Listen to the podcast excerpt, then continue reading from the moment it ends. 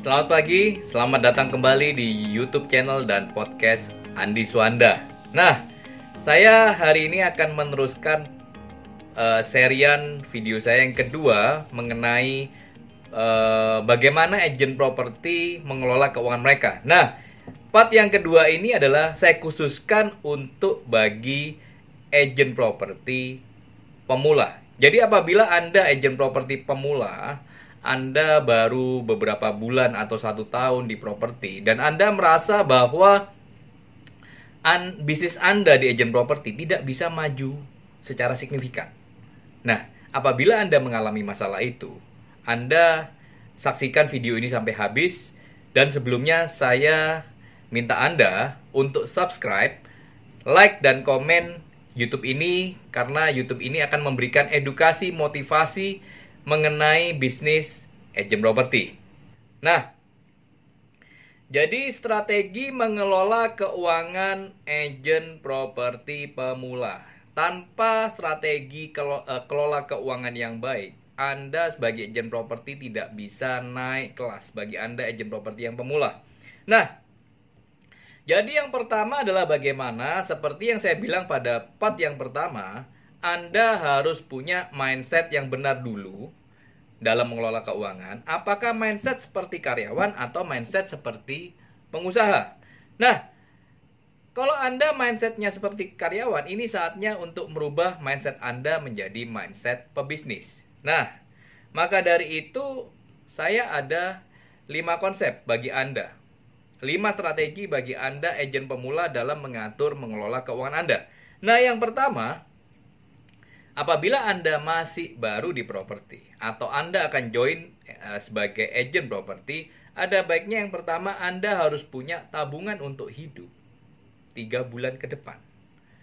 Nah, jadi banyak agent itu pada waktu dia gabung itu tidak punya cukup tabungan tiga bulan ke depan. Karena kenapa saya harus bilang bahwa Anda punya tabungan tiga bulan ke depan? Karena rata-rata agent properti bisa closing itu closing pertama kali itu butuh waktu rata-rata tiga bulan.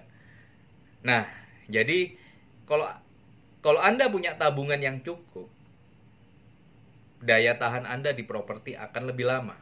Tetapi orang agent properti yang tidak punya cukup tabungan, akhirnya kerja mereka tidak bisa maksimal di awal karir sebagai agent properti. Nah, terus strategi yang kedua apabila Anda adalah agen properti pemula adalah hidup hemat. Hidup hemat dan hindari pengeluaran yang tidak perlu pada waktu Anda bergabung sebagai agen properti. Jadi pengeluaran yang tidak perlu itu seperti apa? Jadi pada saat Anda gabung sebagai agen properti dengan keuangan yang terbatas, ada baiknya hal-hal kecil itu Anda kurangi. Misalnya apa? Kalau Anda suka kopi, ya nggak usah awal-awal Anda beli kopi Starbucks, kopi uh, yang istilahnya Anda beli di coffee shop dan sebagainya. Coba hindari itu. Bawa kopi dari rumah. Atau Anda yang ngerokok, ya hindari dulu atau istilahnya mulai jangan merokok atau mulai kurangi pengeluaran Anda di rokok. Supaya apa? Ya, karena masa tiga bulan ini adalah masa krusial bagi Anda agen properti pemula. Jadi, hindari pengeluaran-pengeluaran yang tidak perlu. Nah, terus strategi yang ketiga bagi Anda agen properti pemula adalah harus berani keluar uang untuk bisnis agen properti dulu di awal. Nah, jadi Berani untuk investasi di awal itu penting bagi bisnis agent properti Anda ini. Karena orang pebisnis, mindset pebisnis adalah keluar uang dulu di awal, bukan dapat hasil dulu baru investasi kemudian. Salah itu. Jadi yang Anda harus lakukan adalah Anda harus berani uh, keluar uang untuk investasi. Misalnya apa? Salah satu hal yang saya melihat uh, pengeluaran yang harus bagi agent properti salah satunya adalah portal properti. Memang jumlahnya itu bisa ratusan ribu, itu untuk hanya satu portal, misalnya OLX atau apa. Banyak agent properti yang awal-awal tidak mau keluar hal-hal seperti ini. Mereka hindari. Karena mereka pikir ini adalah kos dan pengeluaran. Tetapi masih aja ngerokok, masih aja beli kopi di Starbucks. Tetapi untuk pengeluaran yang produktif tidak mau. Ini salah. Jadi Anda kalau mau maju sebagai agent properti, justru pengeluaran yang sifatnya produktif Anda harus keluarkan dulu. Supaya Anda progres Anda, progres closing Anda bisa cepat dan bisa closing secara kuantiti dan jumlahnya banyak. Nah, jadi pengeluaran per bisnis seperti ini atau pengeluaran investasi jangan dihemat. Justru Anda harus berani keluar. Nah. Yang keempat, alokasikan dana untuk diinvestasikan ulang lagi ke bisnis agent properti Anda ini. Jadi komisi dari closingan awal harus diinvestasikan kembali seper sekian dari yang Anda dapat. Jadi misalnya Anda closing awal dapat 10 juta, coba sisihkan mungkin 10% dari pengeluaran Anda itu untuk investasi kembali. Jadi kalau misalnya Anda sudah punya satu portal, tambah lagi. Atau Anda belum punya uh, istilahnya